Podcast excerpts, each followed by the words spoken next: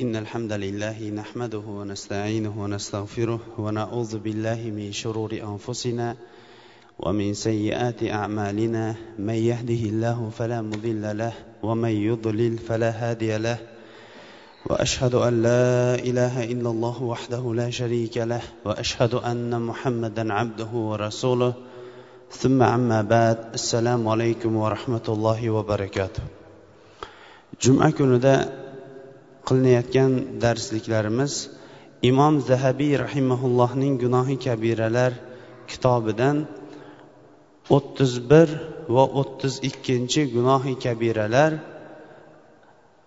yomon qozi va hukmga pora olishlik tartibiga kelib to'xtagan edik. Alloh subhanava taolo yer kurrasini yaratib va u yerda insonlarni yashashlik uchun barcha imkonlarning hammasini yaratib bo'lgandan keyin insonlarni o'z holicha tashlab qo'ymadi.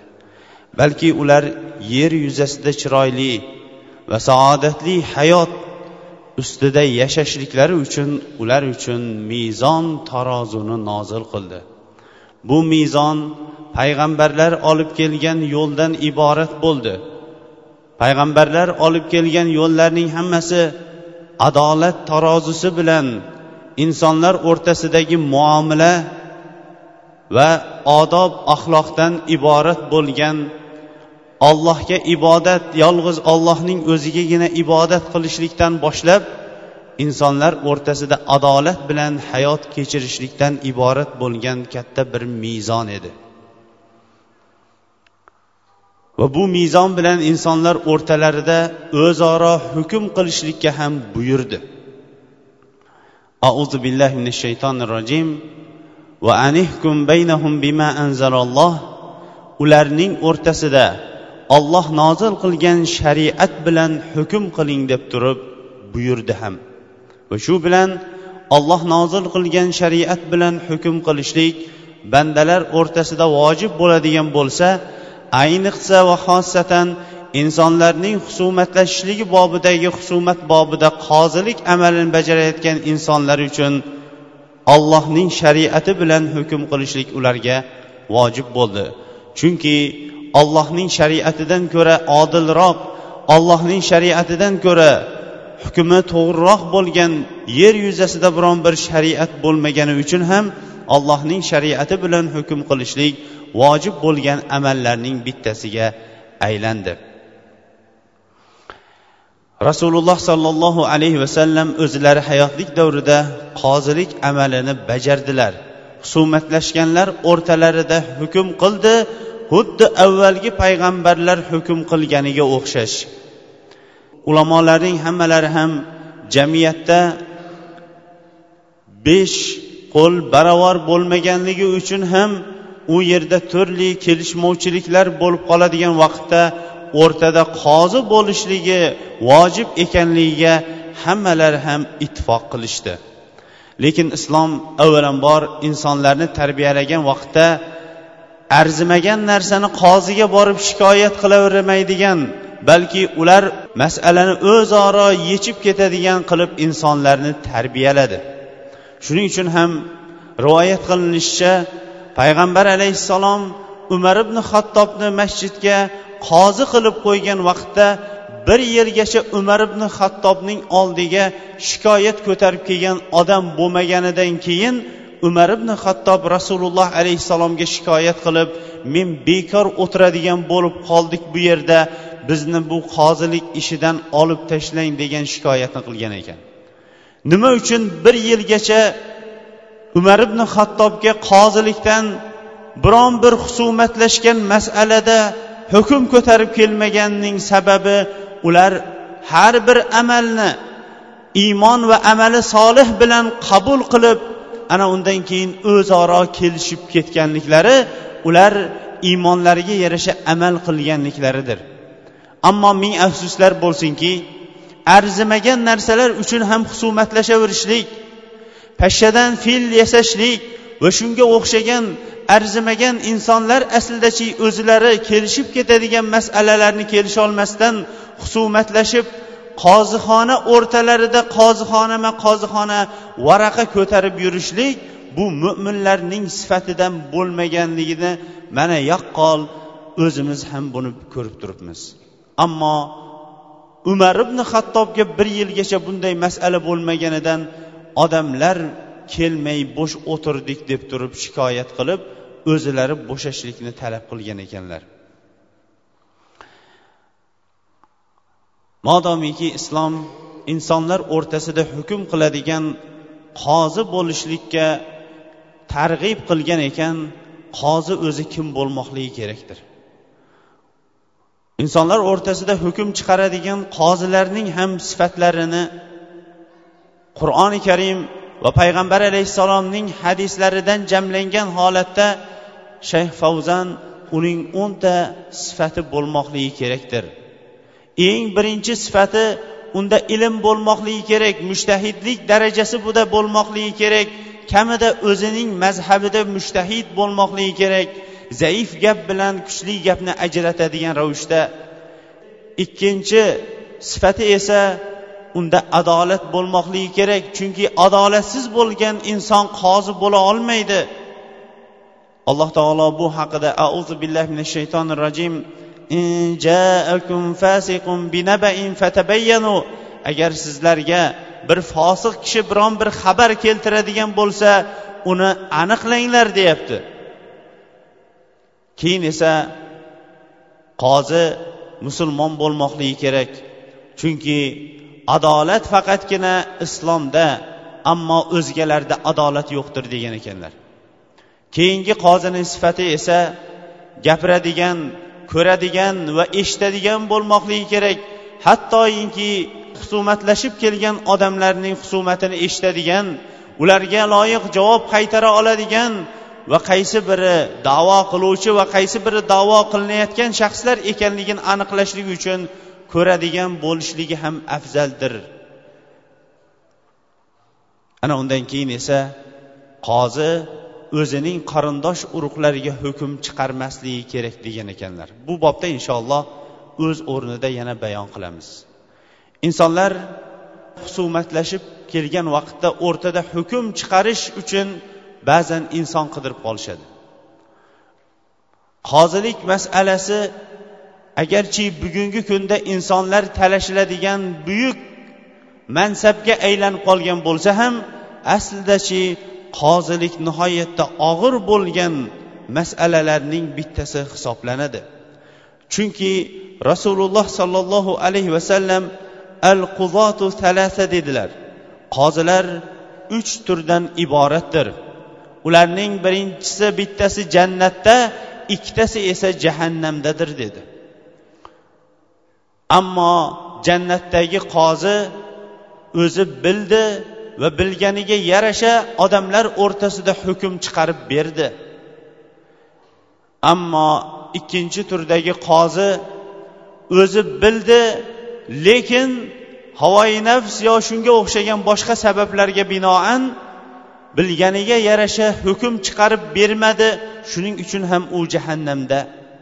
Uchinchi turdagi qozi o'zi ham bilmaydi bilmaganiga yarasha jim turmasdan o'rtada hukm chiqarib berganligi uchun u ham jahannamda dedi. Shuning uchun ham qozilik masalasini payg'ambar alayhissalom uchga bo'lib turib qozilar uch turli bo'ladi.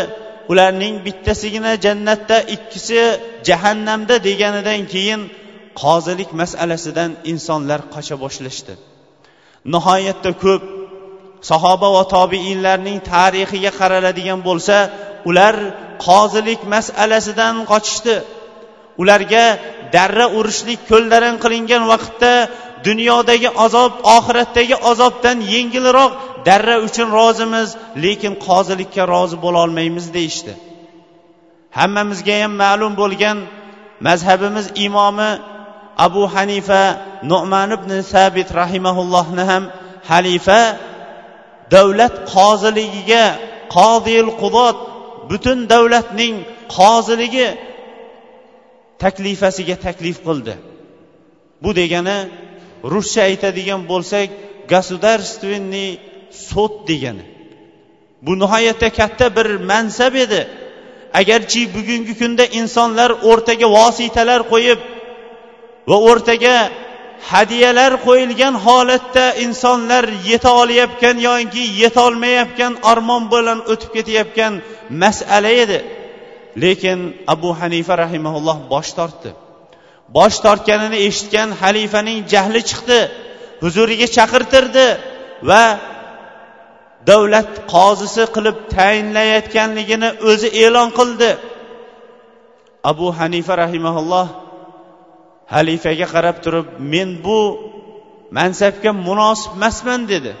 Abu hanifa rahimaullohga xalifa qarab sizni mana shu mansabga tanlayapmiz mansabga buyruq qilyapmiz deganda men bu mansabga loyiq emasman dedi. Shunda xalifa yolg'on aytyapsiz dedi. Ko'rdingizmi xalifa hazratlari? Yolg'onchi qozi bo'lolmaydi men aytdimu sizga bunga loyiq emasman dedi. Abu hanifa rahimulloh nihoyatda zukko ilmiga yarasha zukko inson edi. Bundan jahli chiqqan halifa imom abu hanifani darra urishlikka buyurdi. Ha ularning nihoyatda ko'plari darra uchun dunyo azobidan rozi bo'lib turib lekin oxiratda azobidan ular qo'rqishgan. Abu zar roziyallohu anhu ham rasululloh sollallohu alayhi vasallamdan menga ham biron bir hukm qiladigan biron bir ishni topshiring dedi. Rasululloh sollallohu alayhi vasallam ya abazar inni araka zaifa va inni uhibbu laka ma uhibbu li nafsi la ta'muranna alasnayn ey abazar men sizni zaif holatda ko'ryapman. Men sizga o'zimga yaxshi ko'rgan narsani sizga ham yaxshi ko'raman. Vasiyatim ikki odam o'rtasida hukm chiqarmang deb vasiyat qildi. Abu zar roziyallohu anhu zaifmidi? Yo'q abu zar roziyallohu anhu agarchi jismonan zaif bo'lgani bilan lekin u kishi iymonda nihoyatda baquvvat inson edi. Sahobalik darajasidagi abu zar roziyallohu anhuday baquvvat inson yo'q edi. Lekin rasululloh sollallohu alayhi vasallam qozilik o'rniga kelgan vaqtda bu ham yetmasdan inson zaiflik qilib qolishligi muqarrar ekanligini bayon qilib turib ikki kishi o'rtasida hukm chiqarmang deb turib vasiyat qildilar. Shayxul islom rahimaulloh aytadiki madomiki jamiyat bo'lar ekan jamiyatda husumatlar ham bo'lib turar ekan qozilik ham bo'lishligi muqarrardir. Lekin qozilik darajasiga yetgan inson bu qozilik amalini alloh taologa eng yaqin qurbat hosil qiladigan amal deb qabul qilmoqligi darkordir. Ming afsuslar bo'lsinki deydi shayx gaplarini davomida. Keyingi vaqtlarda insonlar uni mansab darajasiga olishib turib o'zlarining niyatlari buzilib ketdi deydi. Qozilik darajasidagi inson uchun eng birinchi talab qilingan amal xolis niyat ekanligini ulamolarimiz bayon qilib o'tgan. Chunki u ollohning hukmi bilan insonlar o'rtasida hukm chiqarib berishlikday katta bir mansab ustida ollohning buyrug'i ustida ibodat ustida turganligi uchun ham xolis amalda bo'lishligini hech qachon unutmasligi kerakdir. Uning odoblarining ikkinchisi qozi bo'lishlikka inson harakat qilmasligi kerak. Bu hamma o'rinda ham biron bir masala so'raladigan bo'lsa sahobalardan ular mendan falonchi bilimliroq deb falonchiga jo'natar edi. Falonchi esa falonchiga so'rovchi aylanib aylanib birinchi odamga yana aylanib kelib insonlar yana sizni ko'rsatishdi deb aytishardi. Qozilik masalasida ham xuddi shundaydir. Inson o'zini unga loyiq deb topmaydigan bo'lsa qozilikka o'zini shoshiltirishligi yoki o'z nafsini shu yerga qo'yishlikka shoshilishligi durust emasdir. Chunki payg'ambar sollallohu alayhi vasallam man valiyal qado faqat zubiha bi g'ayri sikkinin degan ekanlar. Imom abu dovud va termiziylar abu hurayra roziyallohu anhudan rivoyat qilgan shayx albani rahimaulloh sahih degan. Ya'ni kim bir qozilik ishiga mansabiga turib qoladigan bo'lsa pichoqsiz so'yilibdi dedilar. Odoblarning uchinchisi o'zi qozilikka ahil bo'lmagan odam o'rnini bo'shatib berishligidir. Alloh subhanahu va taolo har bir narsani o'z haqqini haqdorga topshirishlikka buyurdi. Payg'ambar alayhissalom haqqin haqqa. Har bir haqdorning haqqini omonatini egasiga topshiring dedi. Shuning uchun ham qozilikka yaroqli odam qozi bo'lsa qozilikka yaroqli bo'lmagan odam o'z o'rnini topshirishligi ham qozilik sifatlarining bittasi hisoblanadi. Qozi bo'lgan ikki kishi o'rtasida hukm chiqarayotgan insonning adolatligining eng birinchi sifati deydi ibn usaymin rahimaulloh olloh nozil qilgan hukm bilan ular o'rtasida hukm qilishligidir.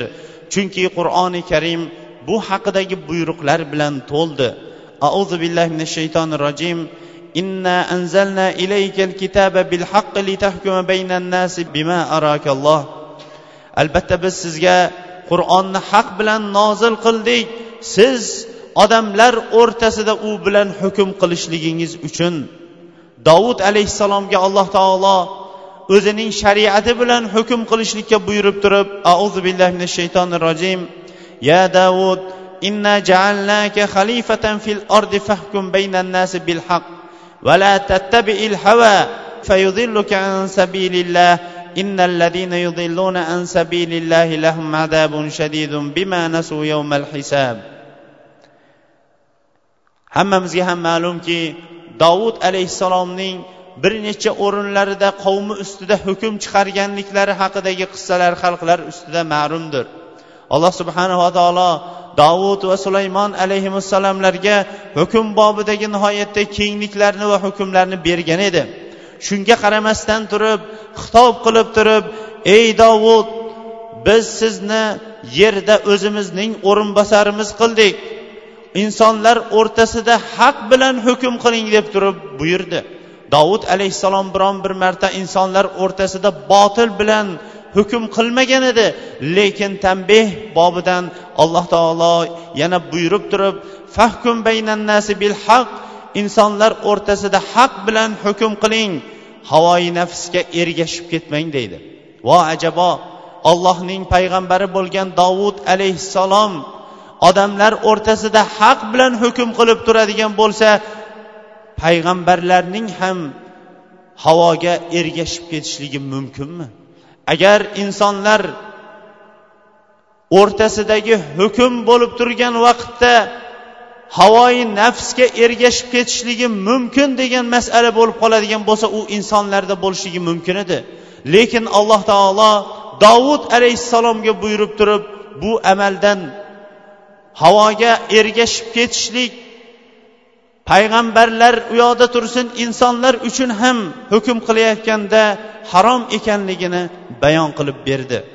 Va anihkum baynahum bima anzalalloh va la tattabi ahvaahum ularning o'rtasida olloh tushirgan nozil qilgan qur'on bilan hukm qiling. Ularning havoyi nafslariga ergashib ketmang. Qozining odoblarining yana bittasi tortishib kelgan husumatlashib kelgan odamlar o'rtasida adolat qilishlik va ularning birontasini tomoniga moyil bo'lib ketmasligidir. Mana bu ham o'rtada hakam bo'layotgan insonningki asosan va ayniqsa qattiq shar'iy yo'l bilan hukm chiqarayotgan insondan talab qilingan sifatlarning bittasidir. Agarchi o'zining yaqini bo'lsa ham yaqini tomonga moyil bo'lib ketmasdan o'rtada adolat bilan turishlik mana bu qozining sifatlarining bittasidir qozilik sifatlarining yana bittasi hukm chiqarayotgan vaqtda ikki tomonning birontasini eshitib ikkinchisini eshitmay hukm chiqarib yubormaslik rasululloh sollallohu alayhi vasallam ali roziyallohu anhuga vasiyat qilib turib إذا تقاضى إليك رجلان فلا تقضي للأول حتى تسمع كلام الآخر agar sizga ikki odam husumatlashib tortishib keladigan bo'lsa ularning birontasiga hukm chiqarmang to ikkinchisidan ikkinchisining shikoyatini eshitmagunicha dedi. Islom dini insonlarga shunchalik bir adolatni ko'rsatdiki ikkovi tomondan ham to'liq eshitib bo'lganidan keyingina ikkala tomondan to'liq eshitib bo'lgandan keyin hukm chiqarishlik kerak ekanligini islom o'rgatdi. La taqdiyanna baynasnayni hatta tasma min kilta tarafayn. Keyingi hadisda ikki odam o'rtasidan to ikkovidan ham tinglamagunicha ular o'rtasidan hukm chiqarib qo'ymang dedi. Mana bu insonlar o'rtasida ham nihoyatda katta bir adolat bir tarozisi bo'ldiki odamlar odamlar haqida hukm chiqarib eshitgan gaplarining rost yoinki yolg'onligi haqida mish mishlarga ergashib ketishligidan avval ikkinchi tomonni ham to'liq eshitib bo'lganidan keyingina ikkovi tomonga hukm chiqarishlikni shariatimiz o'rgatdi. Qozining odoblarining yana bittasi husumatlashib tortishib kelgan odamlarga yolg'on gapirishlik tuhmat uydirma gaplar zulm qilishlik katta gunoh ekanligini avvalambor eslatib qo'yishlik qozilik odoblarining bittasi hisoblanardi. Chunki payg'ambarimiz sollallohu alayhi vasallamning o'zilari ham aytardilarki innama ana bashar va innakum taxtasimuna ilayya va la'alla ba'dukum an yakuna alhana bi hujjatihi min ba'd fa aqdi lahu ala nahwi ma asma' فمن قضيت له بحق أخيه فلا يأخذه فإنما أقطع له قطعة من النار ummu salama roziyallohu anhadan muttafaqun alayh bo'lgan hadis rasululloh sollallohu alayhi vasallam aytardilarki men ham insonman men ham insonman degani g'ayibni bilmayman qalbingizda nima bo'layotganligini bilmayman sizlar menga husumatlashib tortishib kelasizlar Ba'zan ba'zingizning so'zi ba'zingizning so'zidan ustaroq bo'lib ketadi. Agar shunday qilib turib menga ustaligini ko'rsatib turib o'zining do'stining haqqini yeb ketayotgan bo'lsa haqqini olmasin. Chunki u olayotgan o'sha ulush jahannamning bir ulushidir dedi. Bugungi kunda ham nihoyatda insonlar o'rtasidagi tortishuvlarga bir nazar soladigan bo'lsangiz haqiqat ba'zan bir chekkada qolib ketadida qaysi bir insonning tili o'tkirroq qalami o'tkirroq yoyinki o'rtada turgan shafoat go'ylarining o'tkirrog'i yoyinki bel kamarining mahkamroqligiga qarab turib hukm bo'linib ketadigan o'rinlar o'rtada hukm qilguvchilar sezmagan holatda hukm bo'linib ketadigan voqealarning qanchasi sodir bo'ladi? Mana shunaqa o'rinda rasululloh alayhissalom aytyaptiki u o'zining haqqini emas balki jahannamning bir bo'lagini olyapti dedi. Rasululloh sollallohu alayhi vasallamning odatlaridan edi. Mana shunaqa o'rinlarda insonlarni bir ogohlantirib o'zgalarning haqlarini nohaq ravishda o'zgalarning haqlarini zulman yeb ketishlikdan qaytarar edi. Qozilik odoblarining yana bittasi qozilar g'azabi chiqib turgan vaqtda hukm chiqarmasligi qozilik odoblaridan hisoblanardi. Rasululloh sollallohu alayhi vasallam uni ham imom buxoriy abu bakr roziyallohu anhudan rivoyat qilgan hadisda la yaqdiyanna hakamun baynasnayni va huwa g'adban o'rtada hukm chiqarayotgan inson g'azablanib turgan vaqtida hukm chiqarmasin dedi. Shuning uchun ham ulamolarimiz aytganki biron bir muftiy bo'lsin fatvo beruvchi inson bo'lsin g'azablanib turgan vaqtida fatvoni bermasin. Mana shu hadisdan ulamolar boshqa boshqa hukmlarni ham chiqargan ekan. O'shalardan bittasi mudroq bosib uyqusirab turgan vaqtda ham masalani so'ralmasin masala ham aytilinmasin. Qorin och bo'lib turgan vaqtda ham masala aytilinmasin masalaga javob berilmasin. Va o'ta chanqoq vaqtda ham masala aytilinmasin va masalaga javob berilmasin. Hatto insoniy hojatlar ado qilinib olingandan keyin o'ylab dalillarni jamlab ana undan keyin rostakamiga dalil chiqara oladigan ravishda bo'lganidan keyingina masala so'raladi yoyinki o'rtada qozi qilib qo'yilib qo'yiladi ana undan keyin hukm chiqariladi degan ekan. Ming afsuslar bo'lsinki bugungi kunda ikki tomonning urushayotgan holatida agar bir nazar soladigan bo'lsangiz ikki tomon ham g'azabda ikkovi tomonga ham hukm chiqargan falonchiyu fistonchisidan tushib ikkovi urushgan va o'rtada keyin g'azab ketganidan keyin bir birlaridan hijolatda yurgan insonlar qancha? Oilaga nazar soladigan bo'lsangiz oila boshi bo'lgan er kishi ham g'azablanib qo'yib o'z ayolini taloq qilib keyin domlama domla fatvo qidirib yurgan er kishilar qancha?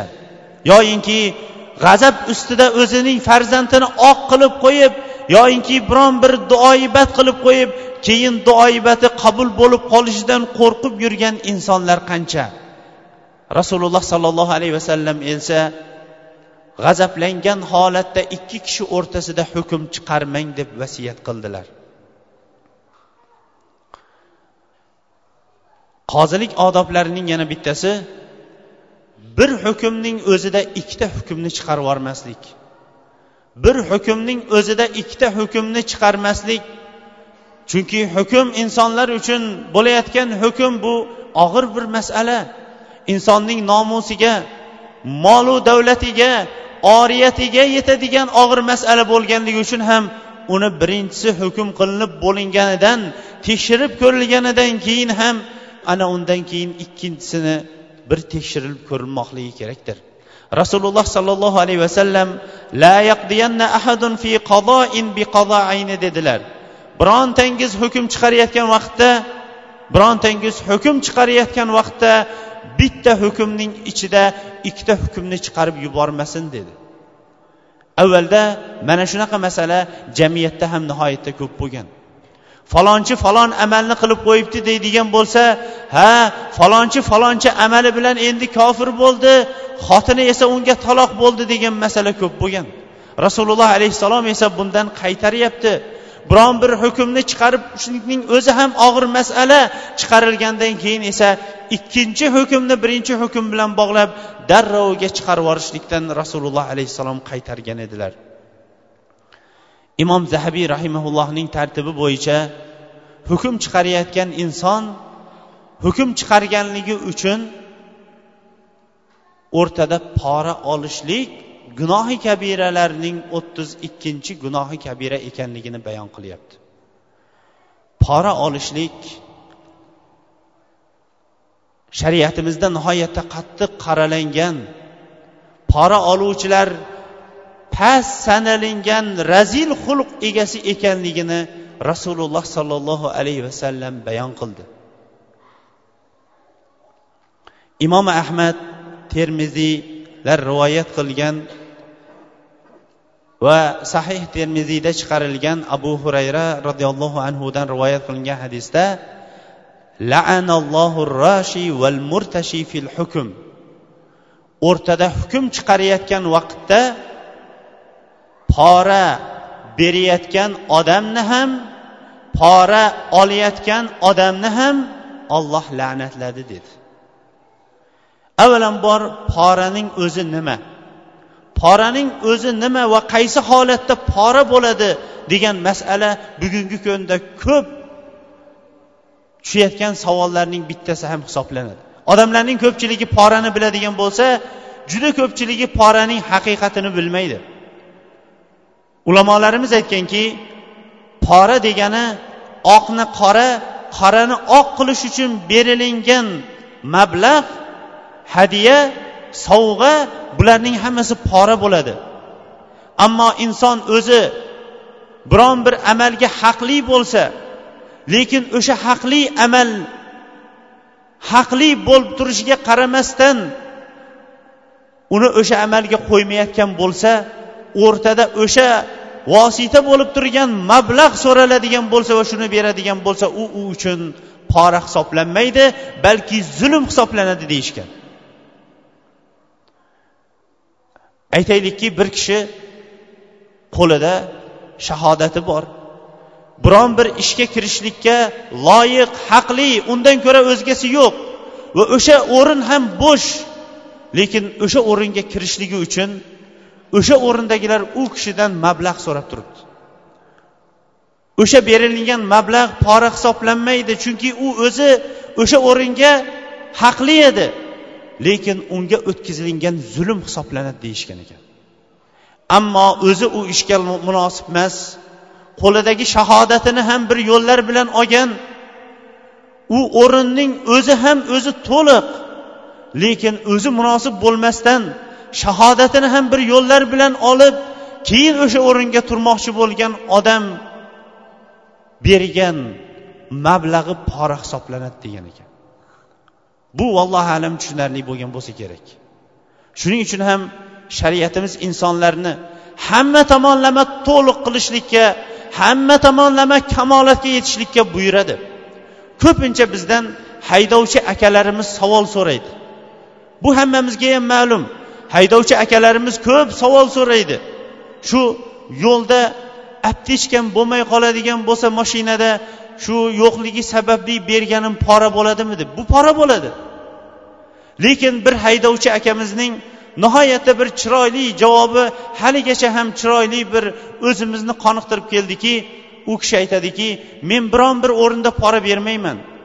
Beradigan o'sha poramni hammasini yig'ib minib turgan mashinamning hamma tomonini to'g'irlab qo'yaman. Uni biron bir joyini biron bir joyini qoldirmasdan hamma joyiga javob beradigan ravishda aptechkasining ichidagi narsalari bilan to'ldirib qo'yaman. Agarchi yo'lda savol javob qilinadigan bo'lsam ham hamma yog'igacha turadigan bo'lsam keyin meni pora berishlikka majbur qila olishmaydi dedi. Insonlar nima uchun pora berishadi? Aksar va ko'p insonlar o'zlarining amallari qing'ir bo'lganligi uchun ham o'shani pora bilan yopib yuborishlikka harakat qilishadi. Ishlar bitayotgan vaqtda birinchi pora so'ralmaydi hozir. Birinchi insonning hujjatlari so'raladi. Ana endi hujjatlarda yo ishda qiyiq chiqqandan keyin ikkinchi tomon endi pora berib o'sha qiyiqni yopishlikka harakat qiladi. Islom esa insonlarni avvalambor kamolatda hamma o'rinlari to'liq bo'lishlikka buyurdi. Hamma o'rinlari to'liq bo'lganidan keyin ham pora berishlikdan qaytardi. Bu degani insonlarni noqislikdan qaytardi. Pora oluvchi bilan pora beruvchining hukmini bab barobar qildi.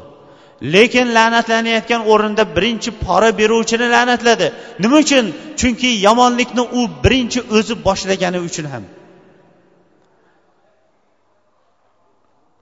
Ammo pora berib odamlarni buzishlik pora berilmay turib bitadigan ishlarni pora bilan bitirib yuborishlik ham insonlarda pora beruvchidan ko'ra kattaroq bo'lgan gunohdir. Chunki u porani bilmaydigan odamga pora berib pora nima ekanligini o'rgatdi. Umar ibn abdul aziz rahimaulloh xalifa bo'lib turgan vaqtda u kishiga sovg'alar olib kelib berar ekan. Sovg'alarni qabul qilmas ekan. Ya rasululloh alayhissalom hadyani qabul qilardi.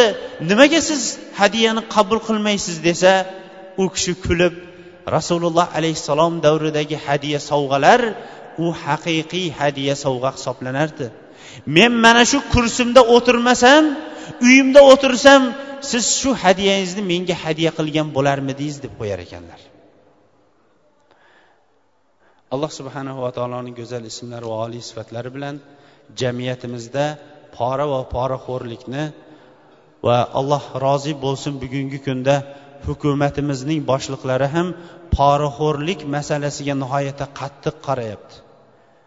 Mana bu ham islom aslida poraxo'rlikka qattiq qaralganligiga hukumatimiz ham poraxo'rlik masalasi og'ir gunoh ekanligini bilib turib shuning qattiq qaralishligi ham aslida buni jamiyat o'zi qabul qilmaydigan amal ekanligiga dalillarning bittasi hisoblanadi. Alloh taolo hammamizni pora va poraxo'rlikdan o'zi asrasin.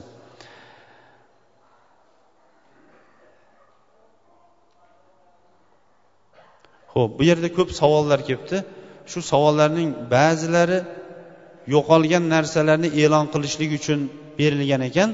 Rasululloh alayhissalom kim masjidda bir yo'qolgan narsasini e'lon qilayotgan bo'lsa yo'qolgan narsangizni olloh toptirmasin deb duo qilinglar degan. Chunki masjidlar yo'qolgan narsalarni e'lon qilishlik uchun qurilmagan degan. Odamlarda shov shuv paydo bo'lishligi uchun ham biz bunaqa narsalarni e'lon qila olmaymiz uzr. Ho'p juda ko'pchilik duo so'rashibdi. Talabalari ham bor ekan bu yerda. Duo so'rashayotgan o'quv yurtiga kirmoqchi edik. Shu bir duo qilsangiz ba'zilari salohiyatli farzand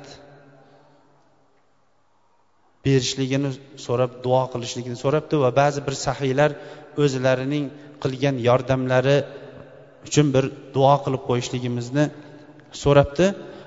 Amin. Alhamdulillahi robbil alamin. Vassalotu vassalamu ala nabiyina muhammadin va ala alihi va sahbihi va man ihtada bihadihi ila yawmiddin. Alloh taoloning go'zal ismlari va oliy sifatlari bilan so'raymiz. Bizlarning qilayotgan ibodatlarimizni o'z dargohida alloh taolo qabul qilsin. O'tgan juma bilan bu juma o'rtasida bilib bilmay qilgan xato kamchiliklarimizni alloh taolo o'zi mag'firat qilsin. Kelgusi jumaga ham o'zining toatida yetishlikka o'zi nasib etsin.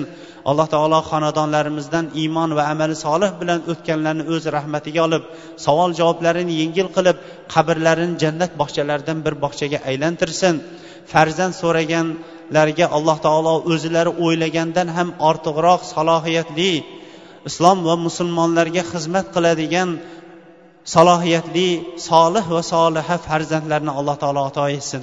Bemorlarga alloh taolo o'zi tomonidan shifo ato etsin va bemorliklarini hayotida bilib bilmay qilgan xato kamchiliklari uchun kafforat qilsin.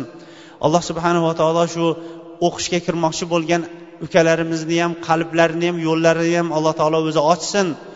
Musulmonlarga va jamiyatga yordam bera oladigan va xizmat tegadigan ravishdagi kasbkorlardan bo'lib yetishlikka alloh taolo ularni shu darajalarga alloh taolo o'zi yetkazsin o'qishlaridagi imtihonlarini alloh taolo o'zi yengil qilsin. Alloh subhanava taolo masjidimizga yordam berayotganlarga o'zi yordam bersin. Toinki ular ollohning uyini obod qilish uchun harakat qilayotgan ekan. Olloh ularning dunyodagi va oxiratdagi uylarini o'zi obod qilsin. Berayotgan infoq va sadaqa xayr ehsonlarini qiyomat kunida soya yo'q kunda o'zlarining boshiga soyabon qilib tursin. Nimaiki niyat bilan xayr ehson qilayotgan qo'l kuchlari bilan harakat qilayotgan bo'lsa niyatlarini alloh taolo qabul qilsin amallarini ham o'z dargohida qabul qilsin. Alloh taolo shu boshlayotgan masjidimizda o'zi madadkor bo'lib turib to tamomiga yetkazgunimizcha o'zi hammamizga ham ittifoqchilik bilan o'zi nusrat bersin. Masjidimizda faqatgina yaxshilik aytiladigan yomonlikdan qaytariladigan ilm o'chog'i bo'ladigan xayrli masjidlardan qilsin. Payg'ambar alayhissalom nima yaxshiliklarni so'ragan bo'lsa o'sha yaxshiliklarni jamoatimiz uchun so'raymiz. Nimaiki yomonliklardan panoh tilagan bo'lsa o'sha yomonliklardan hamma jamoatimiz uchun o'sha yomonliklardan alloh taolodan panoh so'raymiz robbana atina fid dunya hasana va fil oxirati hasanata va qina adabannar va sallallohu taala xayr xalqi muhammad va ala alihi sahbi ajmain bi rahmatika arhamar rohim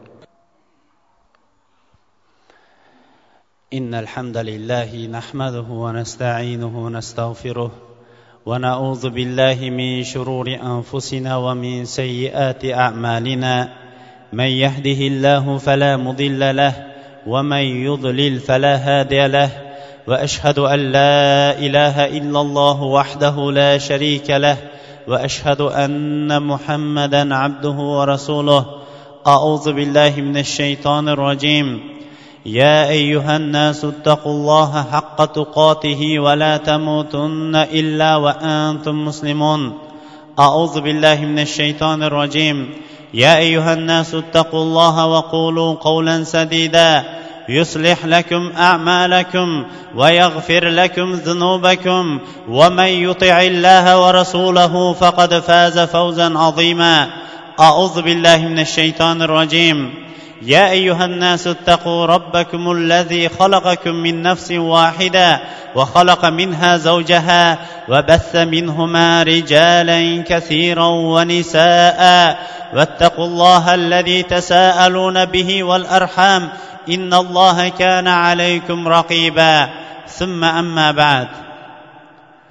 alloh taologa beadad hamdu sanolar bo'lsin boshlamoqchi bo'lib turgan yangi binomizni boshlashdan avval hammamizning ham andazamiz bo'lgan payg'ambar alayhissalomning binoni o'zining masjidining binosini qanday boshlaganligi haqida avvalambor so'ramoqligimiz kerakdir. Darhaqiqat alloh subhanahu va taolo bu haqida valakum fi rasulillahi usvatun hasana sizlar uchun ollohning elchisida chiroyli o'rnak va namunalar bordir deydi. Rasululloh sollallohu alayhi vasallam madinaga kelar ekan deb rivoyat qiladi imom buxoriy banu amir qabilasida ikki haftagacha istiqomat qilib turdi madinaga yetgunga qadar. Bu bugungi kunda hammamizga ham ma'lum bo'lgan qubo ahli hisoblanar edi. Va u yerga kelishligi bilan eng birinchi qilgan ishi qubo masjidini solishlikka o'zi asos soldilar deydi. Qubo masjidini rasululloh sollallohu alayhi vasallam islomda va shariatda eng birinchi solgan masjid hisoblanar edi. Rasululloh alayhissalom uni o'z qo'llari muborak qo'llari bilan asos soldilar va u yerda juma namozini o'qiganidan keyin madinaga qarab keldilar.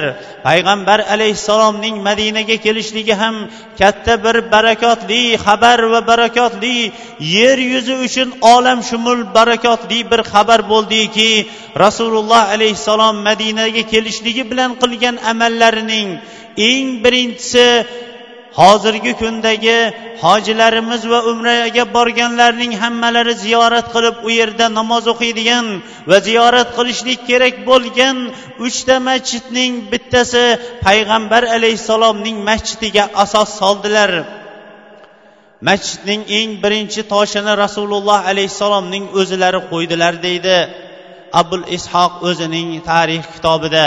Uning ustiga esa abu bakr keyin esa umarlar toshlarni qo'ydilar. Insonlar esa keyin asta sekinlik bilan ketma ketlik bilan toshlarni qo'ya boshladilar.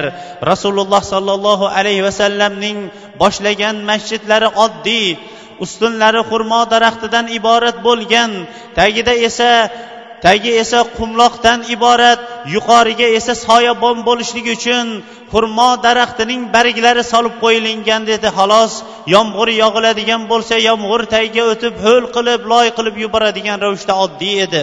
Lekin u yerda asosiy hammamizda ham talab qilingan va ko'pchiligimizdan yo'qolib qolgan ixlos va salohiyatli amal o'sha davrda rasululloh alayhissalomning masjidida jamlangan edi. Rasululloh sollallohu alayhi vasallam nima uchun quboga va madinaga kelishlari bilan nima uchun darrov masjidga asos soldilar? Chunki masjid bu musulmonning asosiy va ikkinchi uyi hisoblanar edi. Chunki masjid ollohning uyidir. Chunki masjid ollohning kalomi ko'proq yod etiladigan o'rindir. Chunki masjid insonlarni tinchlikka xotirjamlikka va yaxshilikka buyuradigan yomonlikdan qaytaradigan o'rindir. Chunki masjid agarchi osmonda farishtalar ollohni zikr qiladigan bo'lsa yerda insonlarning zikr qiladigan o'rinlarining asosiy ko'proq zikr qilinadigan o'rni masjiddir. Va rasululloh alayhissalom insonlarni masjid bilan bog'lagan edi. Masjid bilan bog'langan insonlarga soya yo'q bo'lgan kunda olloh o'zining arshida soyalantirib turishlikni va'da qilgan edi. Masjidga harakat qilgan masjidlarni obod qilganlarni alloh taolo maqtab turib auzu billahi minash shaytonir rojim. Innama ya'muru masajidallohi man amana آمن wal yawmil akhir ولم يخش yakhsha illalloh.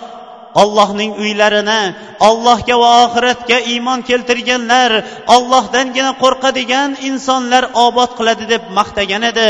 Rasululloh sollallohu alayhi vasallamning o'zlari esa man bana baytan lillahi banallohu lahu fil jannati mislah kim olloh uchun yerda bir masjid quradigan bo'lsa olloh unga xuddi shundayini jannatda quradi deb va'da qilgan edi. Alloh taologa beadad hamdlar bo'lsin.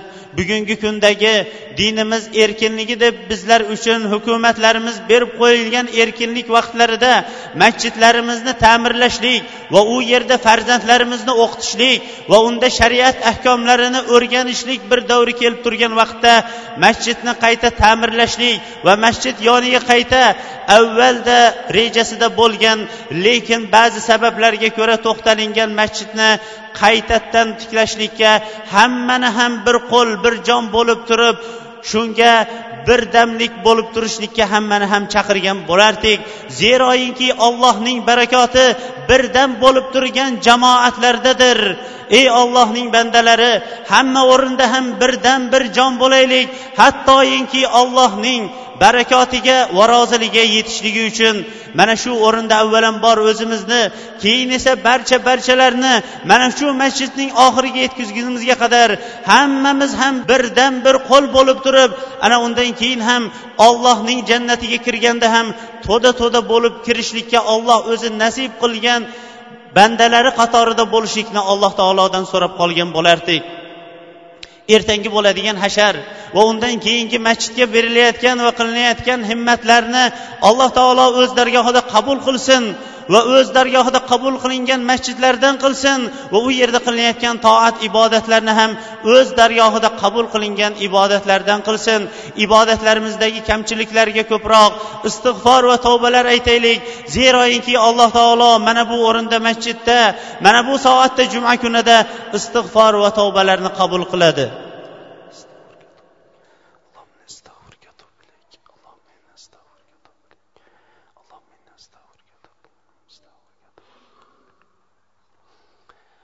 الحمد لله رب العالمين اللهم لك الحمد كله ولك الشكر كله اللهم لا مانع لما اعطيت ولا معطي لما منعت والصلاه والسلام على نبينا محمد وعلى اله وصحبه ومن اهتدى بهذه الى يوم الدين ثم اما بعد رسول الله صلى الله عليه وسلم insonlarni biron amalga targ'ib qiladigan bo'lsa insonlarning hattu harakati yoinki ularning kuch harakatiga qarab turib aytardilar va oxirida aytardilarki